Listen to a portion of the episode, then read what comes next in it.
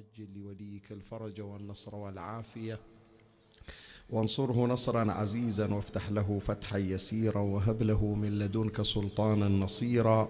رب اشرح لي صدري ويسر لي أمري واحلل عقدة من لساني يفقه قولي. يا كاشف الكرب عن وجه أخيه الحسين. اكشف كربي بجاه أخيك الحسين نادي عليا مظهر العجائب تجده عونا لك في النوائب. كل هم وغم سينجلي بولايتك يا علي يا علي يا علي يا أبا الغوث أغثني. يا فارس الحجاز أدركني بلطفك الخفي ولا تهلكني. يا مولاتي يا فاطمة بنت محمد أغيثيني يا سيدتي دخل صلى الله عليك يا سيدي ويا مولاي يا رسول الله. صلى الله عليك وعلى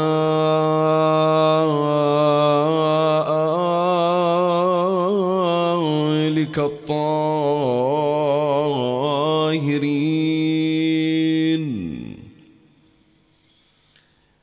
فاز من اعتصم بكم وامنا من لجأ إليكم يا باب الرحمة ونجاة الأمة.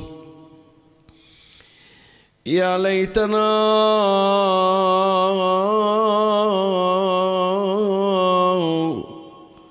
كنا معكم سادتي فنفوز فوزا عظيما.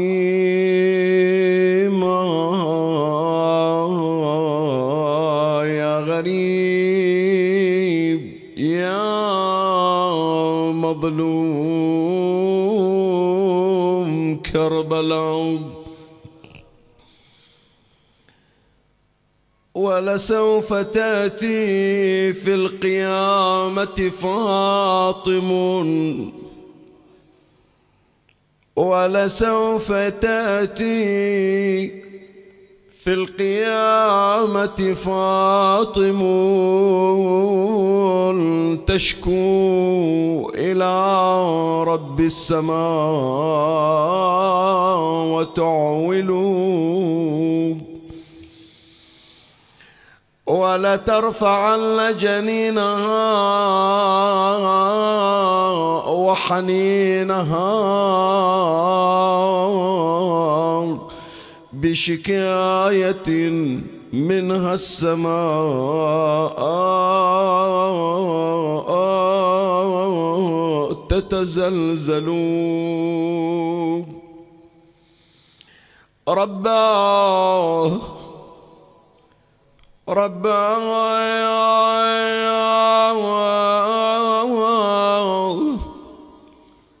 رباه ميراثي وبعلي حقه غصوا رباه ميراثي وبعلي حقه غصبوا وأبنائي جميعا يا يا قتلوا فرخاي فرخاي. ذا بالسم أضحى قلبه قطع قطعين وهذا بالدماء مرمل. قطعا وهذا بالدماء مرمل.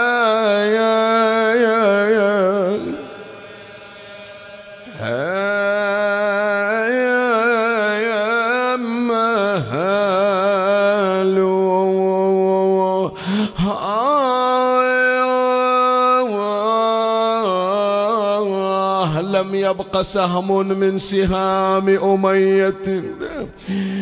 لم يبق سهم من سهام أمية. إلا وصار لقلبه يتوصل.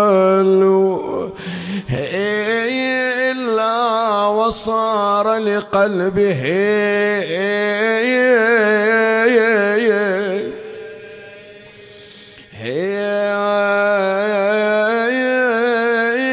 يتوصل آه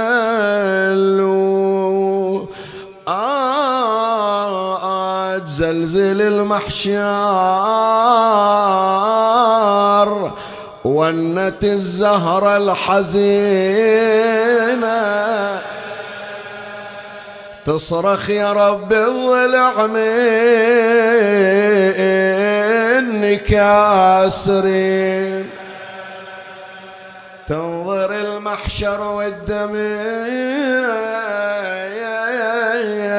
يجري من العين. تشوف ابنها حسين من حول النبي. بين الخلق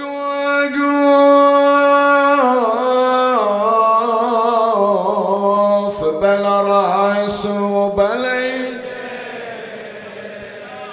وتصيح وش هالفعل بابني فاعلين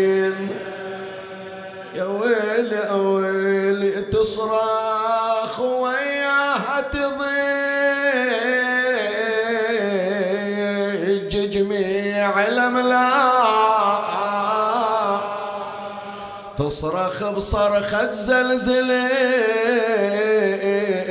العالم والافلاك وتصيح يا باقي البقية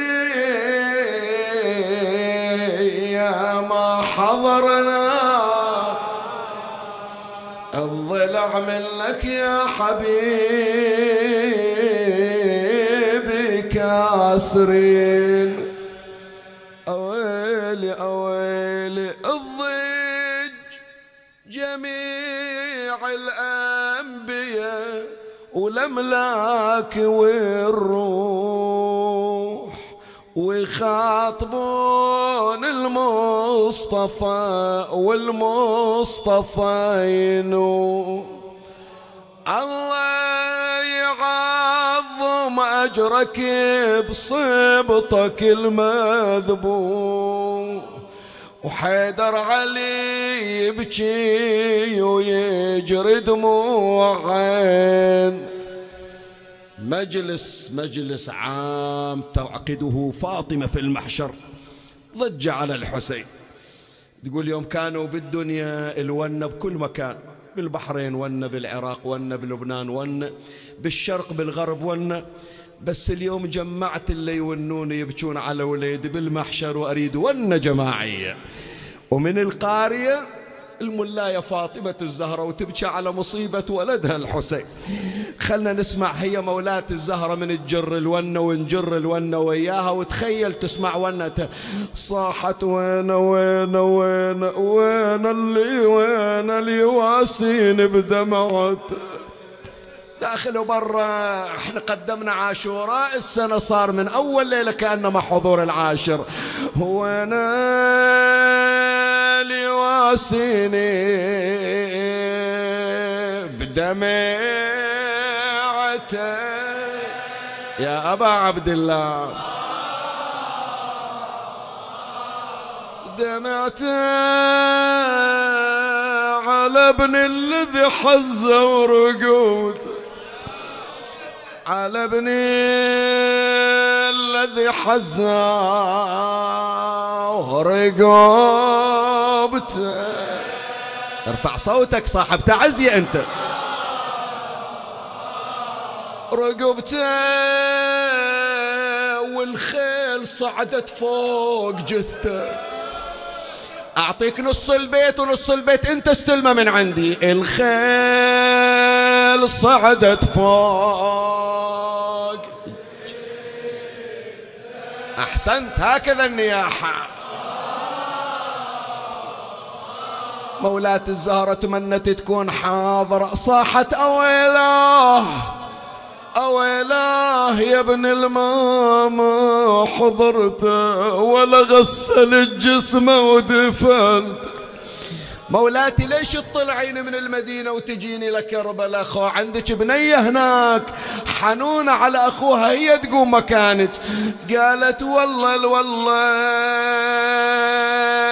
يقولون عنا راحت اخته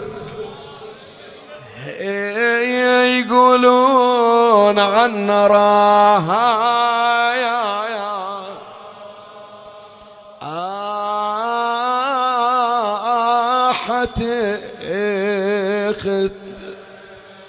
اول الموسم والموسم كله إلى زينب. عم العباس إلى يوم والحسين مصرع يوم وعلي الأكبر إلى يوم. مولاتي زينب كم يوم إلها؟ الموسم كله بل السنة كلها إلى زينب. فشلون نفتتح هاي السنة من غير ذكر زينب؟ مرت زينب على الناقة شافت حسين مقلوب على وجهه. صاحت بيداي الضغن بالله الضغن شوية شوية على راحتك. لا تستعجل أريد أنزل إلى ابن أمي.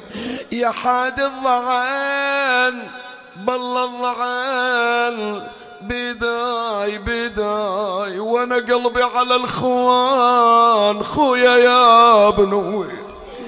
بداي زينب الريض خلى غسل حسين. بداي بداي وشيل لا يظل جسمه رمي. وأن بنية شفاء المرضى. اي أنا اشيل لا يظل جسمه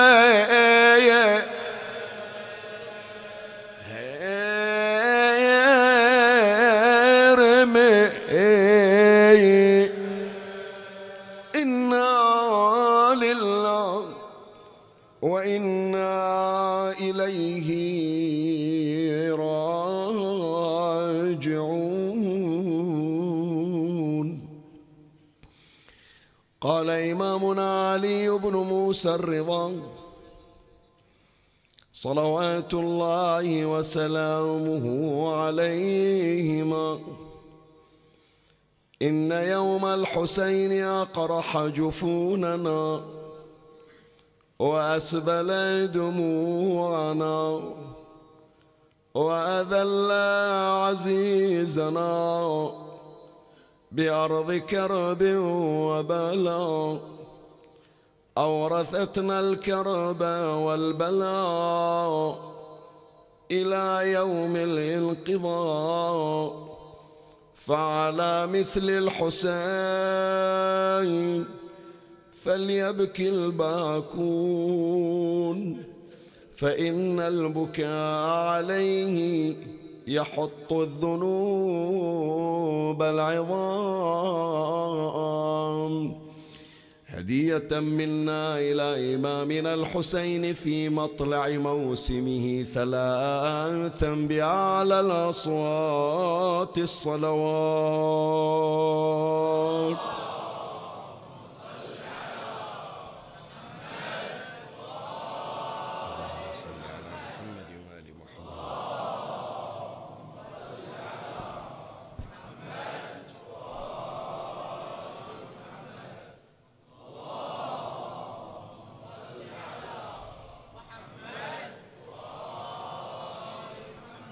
هذا الحديث الشريف عن إمامنا علي بن موسى الرضا صلوات الله وسلامه عليه والذي أورده العلامة المجلسي على الله مقام في بحار الأنوار في الجزء 44 صفحة 284 يعتبر من أهم النصوص التي يستهل بها عادة موسم عاشوراء.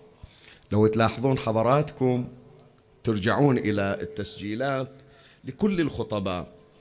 عادة في مطلع موسم الحسين عليه السلام تنتقى بعض النصوص وبعض الأحاديث الواردة عن أهل البيت عليهم السلام والتي تستخدم للتهيئة وتحضير القلوب لتلقي مصاب سيد الشهداء. ما أقول لك أن هناك نصوص بعينها لا النصوص كثيرة. لكن هناك اختيارات خاصة انتقاها العلماء انتقاها سادة الخطباء. وفعلا حينما تأتي للمدونات الروائية تجد هذه النصوص في صدارتها. هذا الحديث الذي قرأته على مسامعكم من أهم هذه النصوص. يعني لا يمر موسم عاشوراء راح تلاحظون ليلة غد وبعد يوم الغد. راح تشوفون أن معظم الخطباء في البحرين وخارج البحرين لابد يتعرضون إلى هذا الحديث الذي قرأته على مسامعكم. فقط من باب إنعاش الذاكرة وترسيخ المطالب في الأذهان أقرأه الإمام الرضا عليه السلام يقول إن يوم الحسين أقرح جفوننا وأسبل دموعنا وأذل عزيزنا بأرض كرب وبلى أورثتنا الكرب والبلاء إلى يوم الانقضاء فعلى مثل الحسين فليبكي الباكون فإن البكاء عليه يحط الذنوب العظام. الإمام سلام الله عليه قرأ هذا هذه الكلمات على مسامع الريان ابن شبيب في مطلع موسم عاشوراء. يعني مثل هالليالي الإمام الرضا عليه السلام يقرأ هذه العبارات ويبين هذا الحديث ويعلم شيعته بغرض التحضير للمصاب الأكبر وليوم عاشوراء. طيب طبعا هذا الحديث مو جديد علينا حتما سامعينه. من يوم إحنا أطفال وإحنا نسمعه وصار محفوظ عندنا. فلهذا شوف من أجيب لك شطر من الحديث أنت تكمله. فعلى مثل الحسين فشنو؟ فليبكي الباكون محفوظة العبارة. بس يا إخواني هذه العبارة فيها مضامين مهمة. يعني هناك وقفات ينبغي أن نقفها بغرض التأمل والتدبر شي يريد الإمام الرضا عليه السلام أن يقول. أنا كونت هذه السلسلة كان المفترض من حلقات ثلاث هي لا قسمت على حلقتين. أشرت إلى الحلقة الأولى في المجلس المتقدم في مجلس الدعيسي وبينا معنى أورثنا الذل أو أورثنا الكرب والبلاء إلى يوم الانقضاء. شنو معنى الكرب؟ شنو معنى البلاء؟ شنو معنى أن أهل البيت وأننا ورثنا الكرب والبلاء؟ قد واحد يقول لي شيخنا أنا شنو؟ ما أنا مبتلى ولله الحمد. أنا في منصب راقي وعندي راتب. ليش تسميني أنا مبتلى؟ ليش تقول لي أنا وارث بلاء؟ من الحسين عليه السلام. ليش تقول لي بأن فاجعة عاشوراء جلبت لي البلاء؟ أنا ما نحس بالبلاء بالعكس مأمن نفسي مثل ما يعبرون البعض أنه مأمن مستقبلي. أفضل راتب أفضل سكن أفضل سيارة أفضل صحة. صح أحضر في مجلس العزاء بس أنا غير مبتلى. شنو الابتلاء؟ هذا تعرضنا إليه. ما معنى الكرب وما معنى الابتلاء أو البلاء؟ وكيف ورثنا الكرب والبلاء؟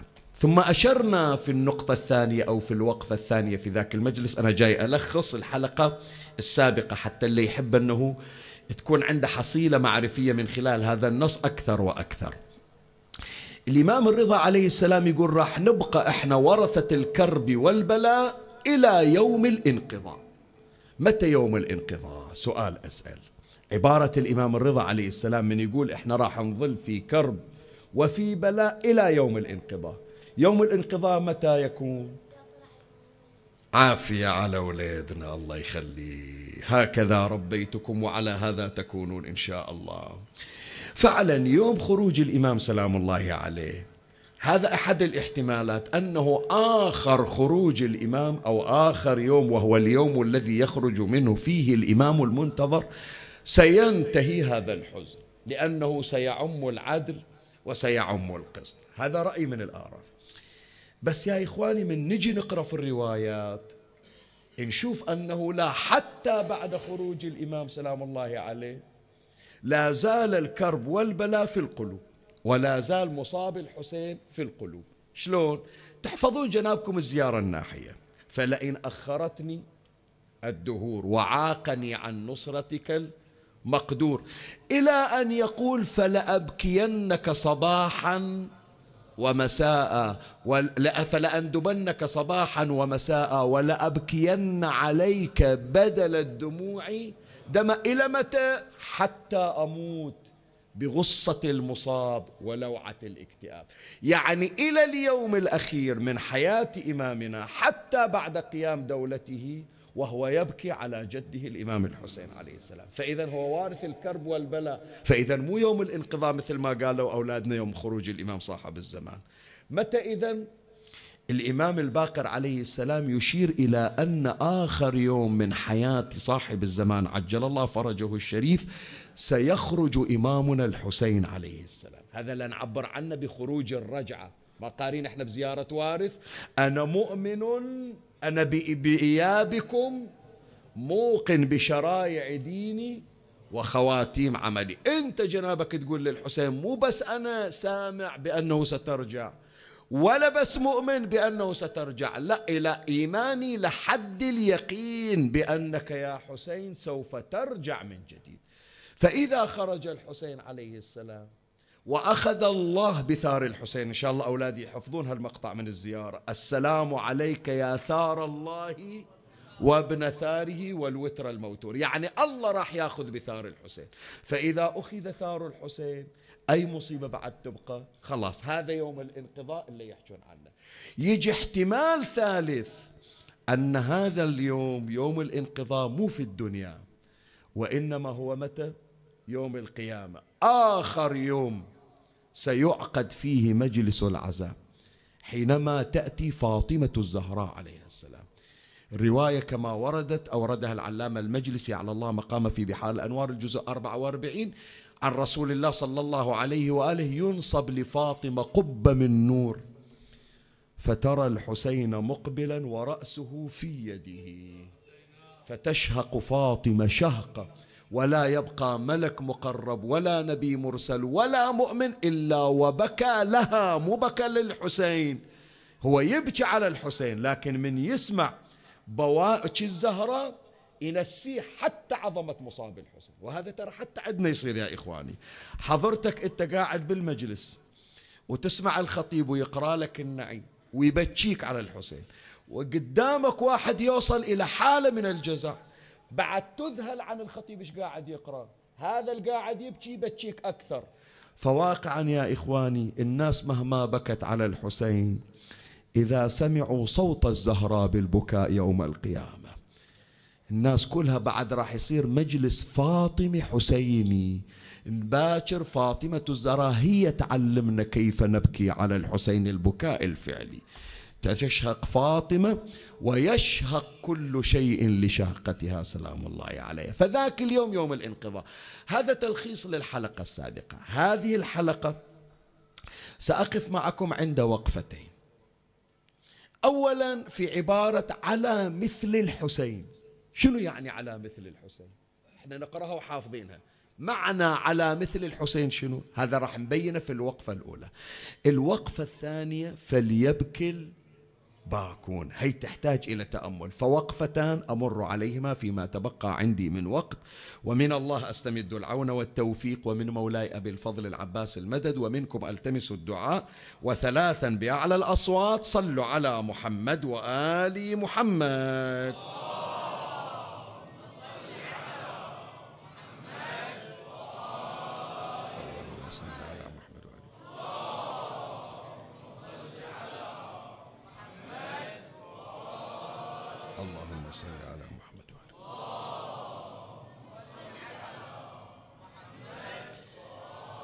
مولاي الكريم أنت حيثما كنت اسمعني وفرغ لي قلبك وأعرني سمعك وأقبل علي بكلك البحث هذه الليلة بعنوان وقفات على حديث الإمام الرضا عليه السلام فليبكي الباكون.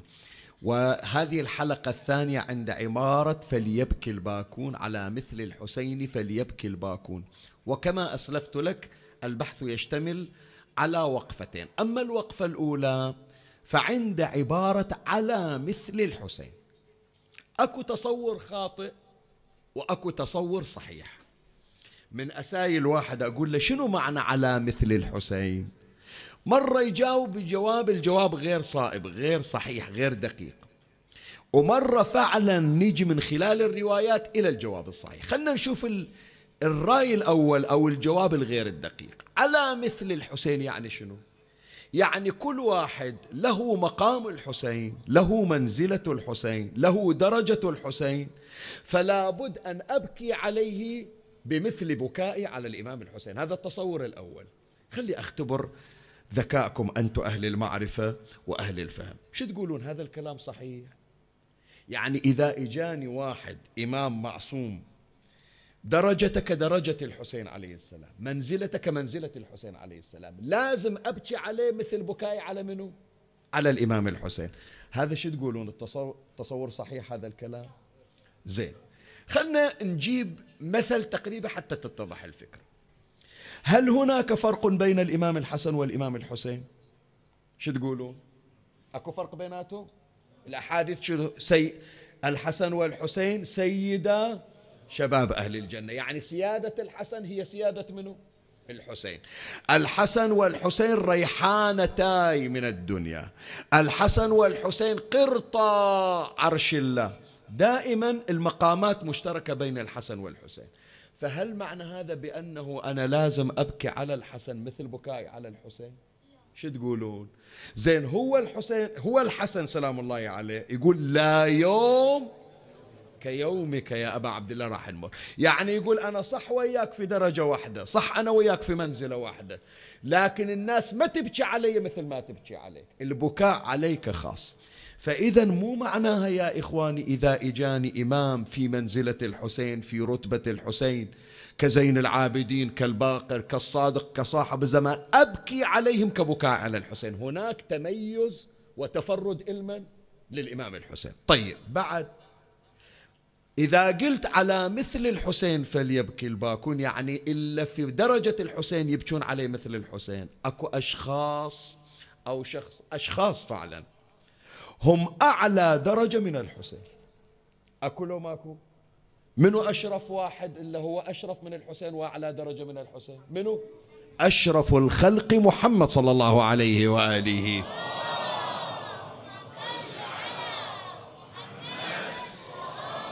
فإذا أنا بكائي بكاء على المنزلة ومنزلة النبي أعلى من منزلة الحسين فلازم بكائي على النبي يصير شنو؟ مثل له أعلى أعلى بينما الحسن يقول لا يوم كيومك. وعندنا الروايات تقول بأن البكاء على الحسين والجزع على الحسين. كل جزع مكروه ما خلا الجزع على الحسين. فإذا يا إخواني على مثل الحسين فليبكي الباكون. مو معناه من يجي واحد في مقام الحسين أبكي عليه وبكاي على الحسين يتكرر لغيره. بدليل شوف الروايات. رواية العلامة المجلسي أعلى الله مقامه. في بحار الأنوار الجزء 45 الصفحة الثانية.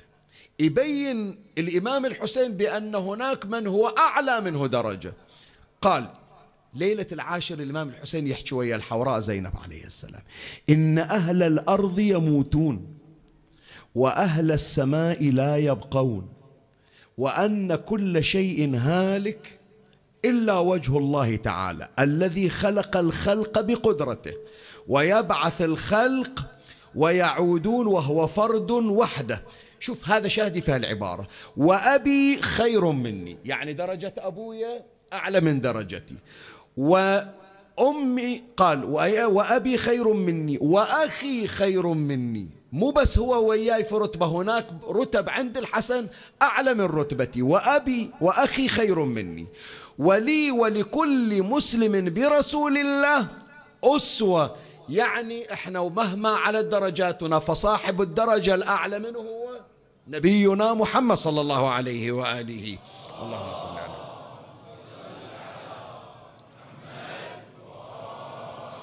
فإذا يا إخواني إحنا لما نبكي على الإمام الحسين عليه السلام مو من نجي نقرأ الحديث على مثل الحسين فليبكي الباكون. إذا واحد يجي في رتبة الحسين لازم أبكي عليه مثل بكاي على الحسين.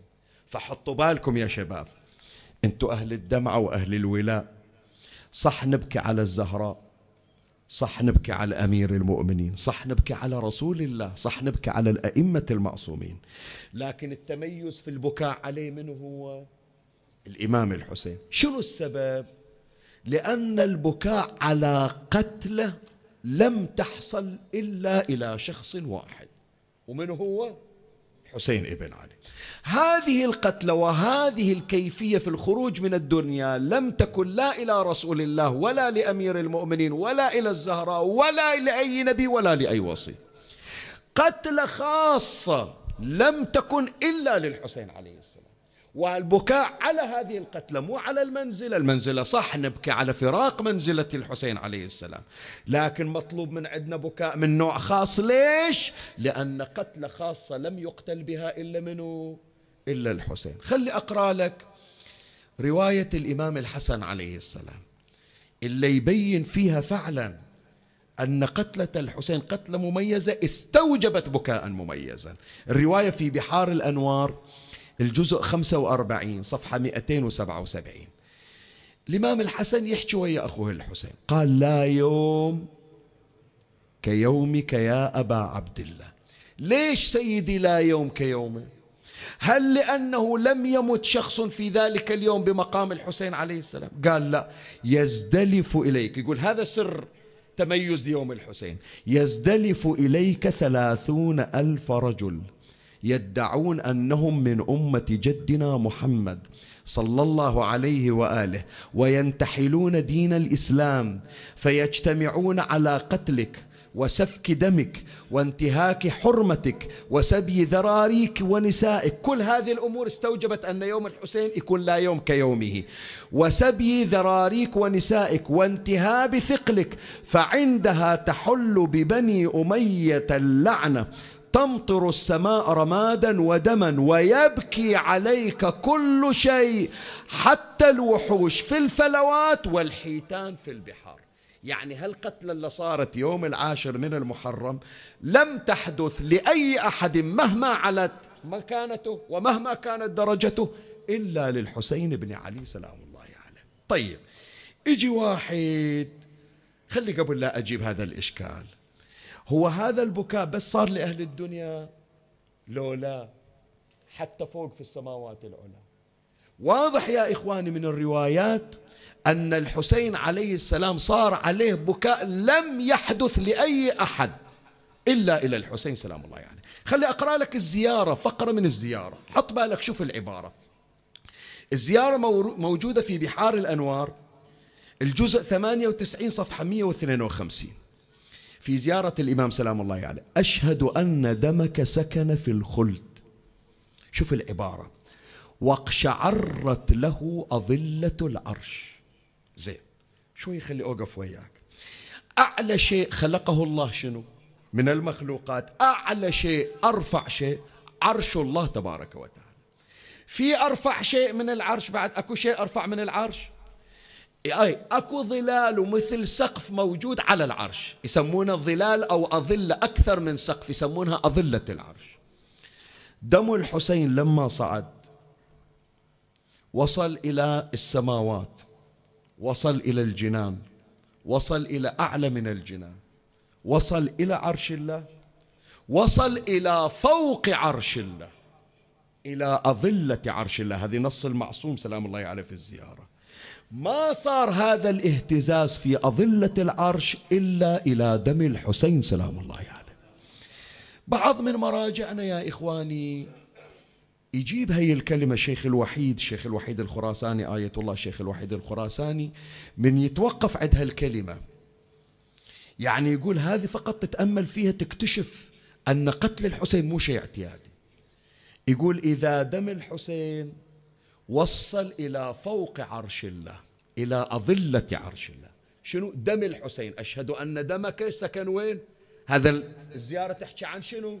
عن دم الحسين. وصلت إلى فوق عرش الله. روح الحسين وين وصلت؟ هذا الشيخ الوحيد من يعرض هالكلام. يقول إذا كان دم الحسين الروح أسمى من الدم. إذا كان الدم وصل فوق عرش الله روح الحسين وين وصلت؟ هذه إلى الآن ما وصلوا إليها المراجع ما وصلوا إليها ما قدروا. لكن أجاب القرآن يا أيتها النفس المطمئنة ارجعي إلى وين؟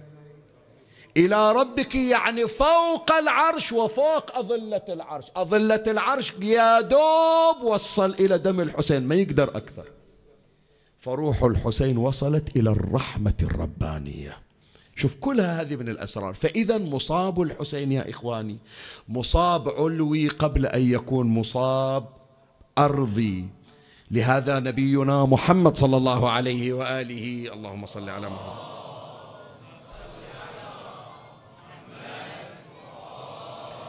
يقول إن الحسين أكبر منه في السماوات من الأرض. يقول مهما بكيتوا مهما عرفتوا الحسين لو تروحون فوق تشوفون شيء عند عند الملأ الأعلى بخصوص الحسين ما متصورينه أنتم طيب فإذا يا إخواني بكاؤنا على الحسين هذا التجمع بعضهم يقول إيش عندهم الشيعة؟ من أول ليلة حضور كأنما ليلة العاشر من المحرم.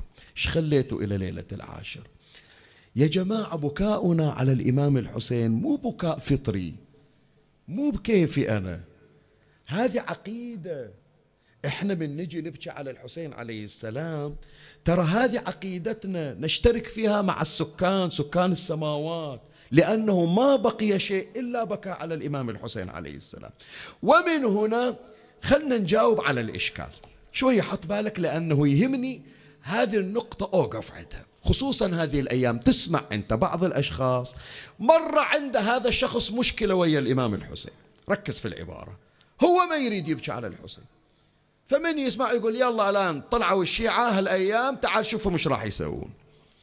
ولا راح يخلصون. خلاص قضية تاريخية وانتهت. ما يخالف لو أنه العام الماضي الحسين انذبح قبل عشر سنين الحسين انذبح وبكيتوا عليه بعد الجرح طري. بس ألف سنة قضية تاريخية كافي ليش ما تبكون على علي بن أبي طالب مثله؟ ليش ما تبكون على رسول الله مثله؟ ليش ما تبكون على الأنبياء مثله؟ عندكم كل سنة دقوا لطم. مو هذا كل سنة يجيبون هذا الإشكال؟ طيب هذا واحد شوية متصلب متشنج. مرة واحد لا يجي يقول لك أنا أحب الحسين مو ما أحب الحسين. وأنا ما أنا راضي على قتل الحسين أصلا. وأنا أصلا حانق على قتلة الحسين. لكن تطلب من عندي كل سنة ألبس ثياب سوداء في هالحر وكل سنة أجي أطلع من حسينية إلى حسينية لا ما أسويها. قضية وانتهت وراحت. خلاص أكو ناس هالشكل. شو نجاوبهم يا إخواني؟ واللي يجي يقول لك أنتوا إذا بكم حظ يا الشيعة إذا بكم حظ بخت وصدق أنتوا تقولوا مسلمين خلوا بكاءكم على رسول الله مثل بكاءكم على الحسين. منو نبيكم؟ الحسين لو محمد.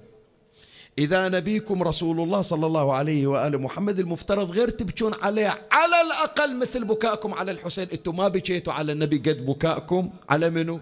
على الحسين. مو الشكل يوجهون إشكال عادة؟ طيب. شلون نرد عليهم؟ مرات يجون بعض الأولاد أو بعض الإخوة يقولون لا أصلا إحنا نحب رسول الله وحبنا إلى الحسين من حبنا إلى رسول الله. أصلا هذا المأتم اللي نعقد على الإمام الحسين إظهار لمودتنا لرسول الله. بس أنا أجيب لك دليل من القرآن. حتى أبين لك مشروعية ما نقوم به. ركز في العبارة. شوية قبل لا أبدي في هذا النص اللي راح أوردة من القرآن أريد صلوات داخل وبرا بأعلى الأصوات. اللهم صل على محمد.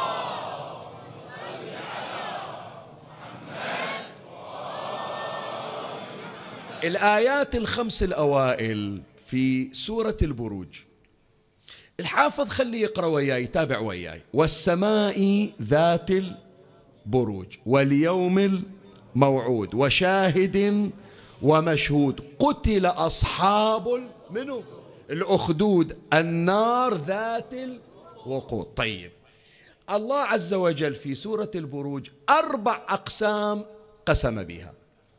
أول ما أقسم والسماء ذات البروج. ثاني قسم اليوم الموعود. ثالث قسم الشاهد. رابع قسم منه المشهود. وشاهد ومشهود. هذه أحرف قسم. الله أقسم بأربعة أشياء. شو يريد الله يقول من وراء الأقسام؟ الأقسام ليش؟ حتى الله يأكد على شيء راح يجي بعد القسم. من تقول والله كذا صار. فأنت تقسم حتى تأكد على الشيء اللي أقسمت عليه. أربع أقسام جايبينها القرآن. يريد يقول راح أذكر لكم جريمة قتل. وأريدكم أنتم تهتمون بهالجريمة لأني قدمت أمامها أربعة أقسام. تاليها جريمة القتل منه قتل أصحاب الأخدود. طيب شباب ردوا علي أهل المعرفة. أصحاب الأخدود ذولا منو؟ أنبياء؟ أصحاب الأخدود منو ذولا؟ راح أقول لكم منو ذولا أصحاب الأخدود. بعض الروايات تقول بأنها ماشطة ابنة فرعون. وحدة كانت عايشة في قصر فرعون وتمشط شعر بنت فرعون وكانت مؤمنة بدعوة مسلم العفو بدعوة موسى ابن عمران. أخفت إيمانها اكتشفوا إيمانها حفروا لها خندق سموه أخدود وأضرموا فيه النار وألقوها هي وأولادها الأربعة في النار. سموهم أصحاب الأخدود. رواية أخرى تقول لا أصحاب الأخدود ذولا من اليمن. ثلاثمية شخص. بعضهم يقول لا من تركيا أكثر من رأي. بس كل الروايات تقول أصحاب الأخدود لا هم أنبياء ولا هم أوصياء. والله عز وجل ركز شوف إيش أقول لك الآن. والله حتى يجيب هي القضية قضية المقتل جاب أربعة أقسام. وخلى قصة أصحاب الأخدود في القرآن فما واحد يختم القرآن إلا يجيب قصة أصحاب الأخدود. صحيح لو لا؟ سؤال أسأل.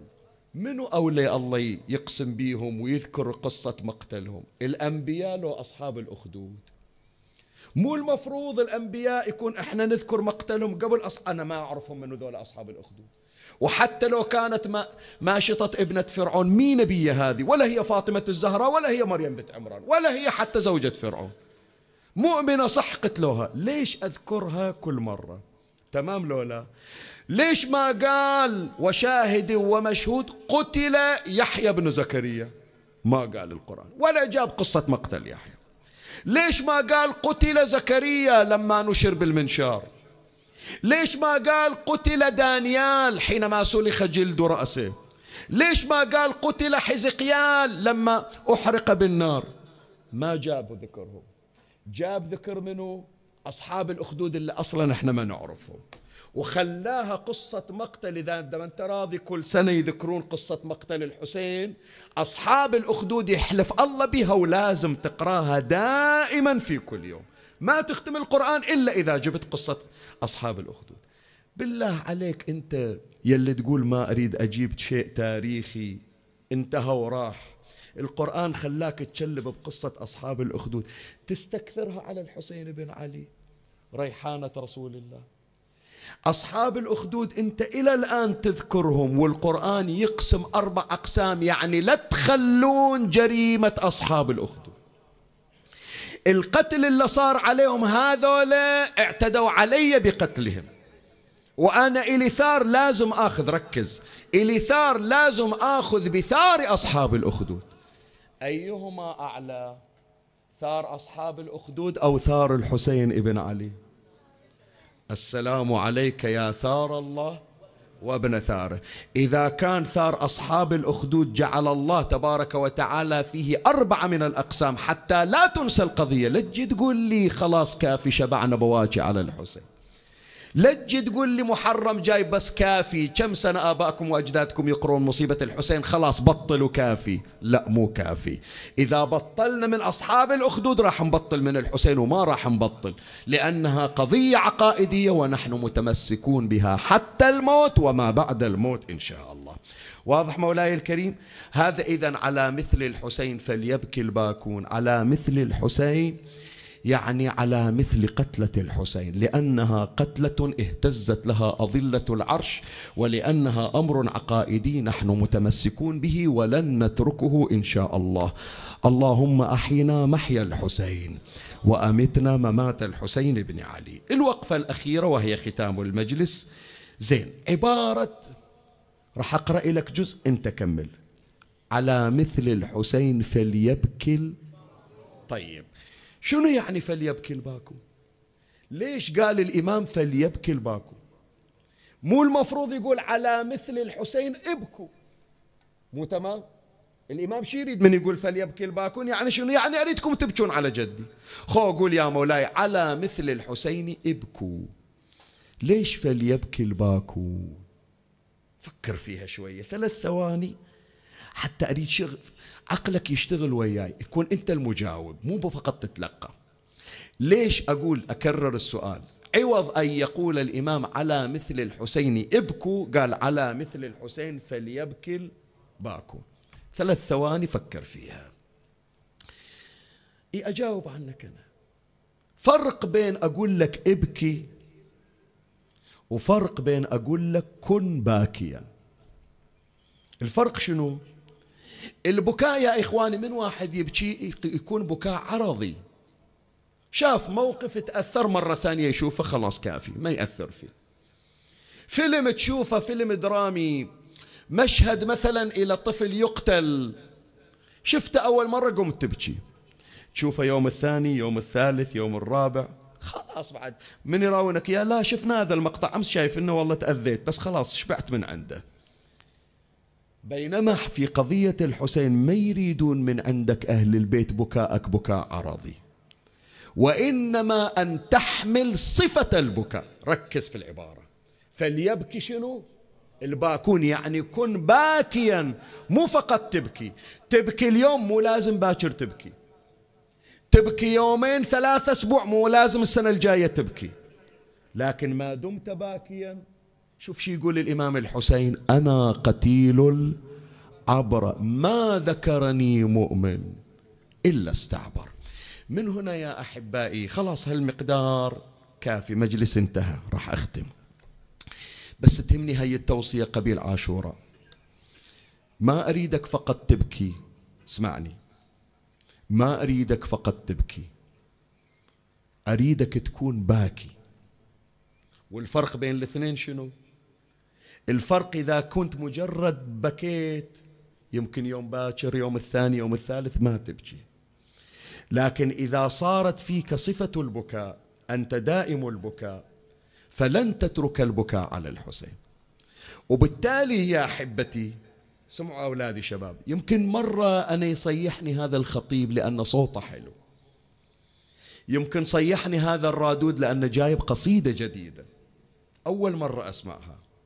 لو يبدلون لي الخطيب. يمكن ما صيحني يقول ما صيحني الخطيب. مو تمام؟ مو هالشكل ناس يقولون ما بكى أن الخطيب اليوم صوته مو حلو. ما بكيت في اللطم لأن القصيدة متكررة جايبينها الرادود. إذا أنا جاي أبكي على شعر وأنا جاي أبكي على صوت. وهذا يسمونه بكاء بالعرض لأن في مؤثر لأن النغمة حلوة لأن الصوت حلو لأن شعر جديد. بكيت. هذا ما في ميزة يا إخواني كل واحد يسمع كلمة مستعد يبكي. لكن إذا كنت باكيا على الحسين حتى لو أنت قاعد بروحك تذكر الحسين وتجري دموعك حتى لو كنت أنت ما تسمع شوف بعض الأشخاص الله يبارك فيهم يعني مرت علينا. يقعدون برا بالشوارع. يصير سبب أنه الكهرباء تنقطع. ما يسمعون أصلا قراية ولا يسمعون بواجي لكن فقط يهيئ نفسه يقول أنا قاعد في مأتم الحسين وذكر الحسين في حد ذاته يحرك مشاعره. أنا ذا مسولف لكم في سنوات سابقة وأرد أجددها. ثلاث سنوات أنا كنت أقرأ في المعامير وكان واحد مسن رحمة الله عليه توفي يغمى عليه من أول مجلس يغمى عليه. فأنا ورا الثلاث سنوات جيت أعتذر من عنده أقول له أعذرني يمكن ما قدرت أبكي. قال لي شيخنا أنا ما أبكي على الصوت ولا على الونة أنا بس أقعد في مأتم الحسين أشوف الحسين ممدد قدامي. إي والله أشوف روحي مو بالمعامير مو بالبحرين مو بالحسينية. أشوف روحي في كربلاء وأشوف جثة الحسين قدامي.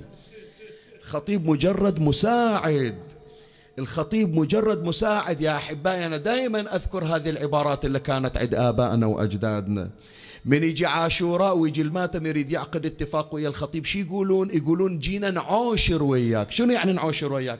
يعني نتساعد على البكاء. إحنا جايين قلوبنا محروقة نريد من عندك نعي يبكينا زيادة. يطلع الحسرة الموجودة بقلوبنا. هكذا نريد يا إخواني. نريد أن تكون الدمعة على أعيننا. مو تنتظرش أسمع حتى أبكي لا أطلع من بيتك والدمع بعينك. اطلع من بيتك ونفسك يطلع حار وقلبك مجروح على الحسين. نفس المهموم من أجلنا عبادة وحزنه علينا تسبيح. ليش الله عطاه هذا كله؟ لأن عايش الحسين بوجدانه. وإلا يا إخواني راح أختم هالمجلس. خلاص كافيش أقرأ لك أكثر؟ حصلت الدمعة وحصلت كسرة القلب. إذا مجرد حدث عرض هو اللي يبكيني أكو واحد ما بكى على الحسين؟ سؤال أسأل. حتى قاتل الحسين. بكى بكي يمكن ما صار إلى أحد. العلامة المجلسي يذكر سيد المقرم يذكر يقول خرجت زينب بنت علي. وقرطان في أذناها يتذبذبان. وصعدت على التل وشافت جثة الحسين على الثرى. شالت راسها وإذا تشوف هناك عمر بن سعد على باب الخيمة. صاحت أي عمر؟ أيقتل أبو عبد الله وأنت تنظر؟ زين ما يخالف أنت جأت بس ما تقول لي ما تشيله. شوف ابن أمي مو قادر يقوم على حيله. شوف من طاح من ظهر الجواد. ما بيطاقة حتى يرفع راسه. وين يرفع راسه عمي؟ وين يرفع راسه؟ السهم طلع جزء من قلبه. وين عنده مهجة بعد؟ زين ارحموه شوية عاد بعدوا عن هالشمس عن هالتراب الحار. جيبوا له قطرة مية. كلمة زينب اسمع العلامة المجلسي يقول فأعرض عنها عمر بن سعد ودموعه قد بللت لحيته من البكاء. سؤال أسأل جماعة ردوا علي. عمر بن سعد بكى على منو؟ على الحسين. إذا على الحسين هو من من ساعة وشايف الحجر صك جبهته. من ساعة ويشوف السهم بقلبه ما بكى. بس عمي هذه اللي ما كانت تطلع إلا بالليل. توها طالعة. طول هالمدة يقول إحنا عشنا بمكة والمدينة ما سمعنا لها صوت. خلينا الحسين يطلعها من الخيمة طيحة أبو علي طلعت زينب. فلهذا العلامة المجلس يقول فأعرض عنها ما قدر يشوف زينب واقفة على عمي إذا عمر بن سعد ما قدر يشوف زينب قول لي عجل ذاك اللي على التراب خده نايب على التراب شلون يقدر يشوفها؟ شفتك على التال يا زينب غافية. إيه وجاء الموسم الزينبي. احسب دموعك عليها عمي. العباس إلى يوم والأكبر إلى يوم والرضيع إلى يوم والعريس إلى يوم وزينب استحوذت على أيام السنة. تبكي على الزهرة تبكي وياها على زينب. تبكي على علي تبكي وياها على شفتك على التال يا زينب غافية. في البرار النوم ما في عافية. شفتك تركضين وانت حافية. بين عليك التعب مو نايم اعطيني مهلة اعطيني مهلة عمي. ليش ميل تمشي كأنك راكعة؟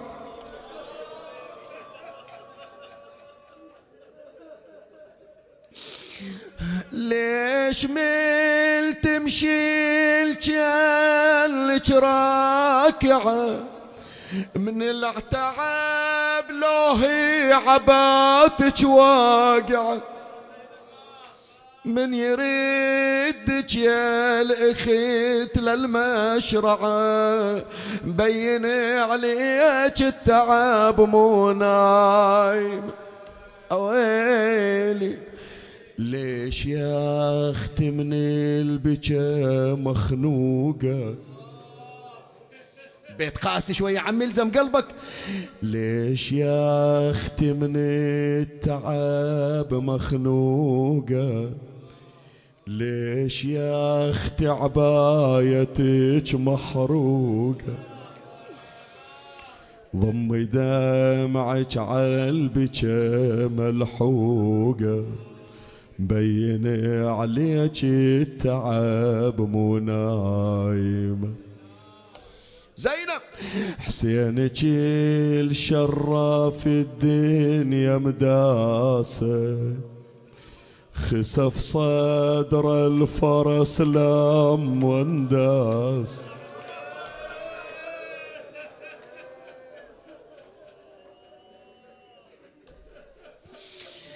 كافي عمي كافيش أخلي لك بعد للعشرة آخر زينب آخر صوت سمعته زينب من الحسين. صاح كبدي كبدي يا زينب يا أبسة من العطش كبدي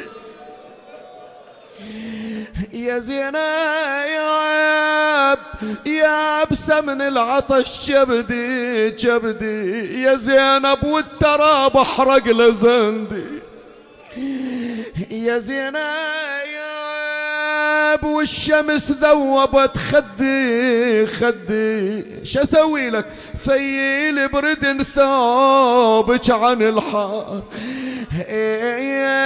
فيل برد ثوبك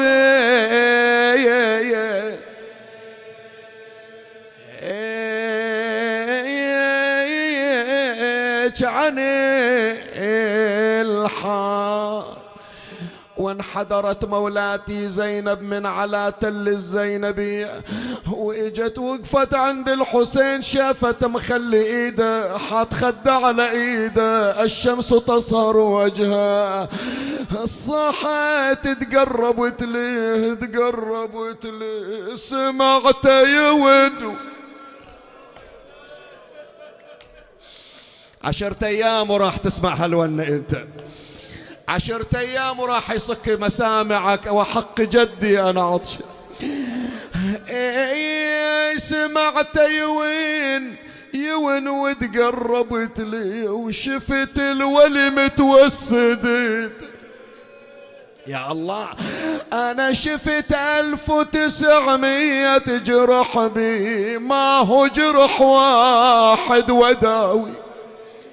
أشد أنا أي جرح أي جرح أخليه نادك الجرح بعضاي. عوفيه عوفيه زينب بس جرح بقلبي عينك مسك الختام اطلب مرادك إلى ذول أصحاب المرضى اللي عندهم مرضى بالعناية قالوا شيخنا ليالي الحسين لا تنسوهم. أريد أقرأ هذا البيت على راحة. وشوية مطلب مرادك وارفع إيدك واذكر حوائج إخوانك واذكر دمعة صاحب الزمان في هذه الأيام. وإذا شفت الدمعة عزيزة عليك بأول الموسم اذكر كلمة الإمام الرضا أقرح جفوننا. وإذا بعده الدمعة ما طلعت ويوم من الأيام طلعت الدمعة قلت ها توفقت للبكاء على الحسين. اذكر صاحب الزمان لأبكين عليك بدل الدموع. أنا زينب أخت حامي الضعينة. أصيحا في المعار حسين وينه. قعدت عد راسه حزينة. يا علي ولن الشمر مقبل عليه إيش سوى إيش سوى؟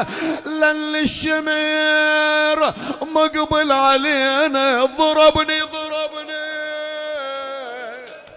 أنعم جوابا يا حسين أما ترى شمر الخنا بالساط كسر أضلعي شوف الشمر بيه. إيش سوى إيش سوى؟ صوت علم.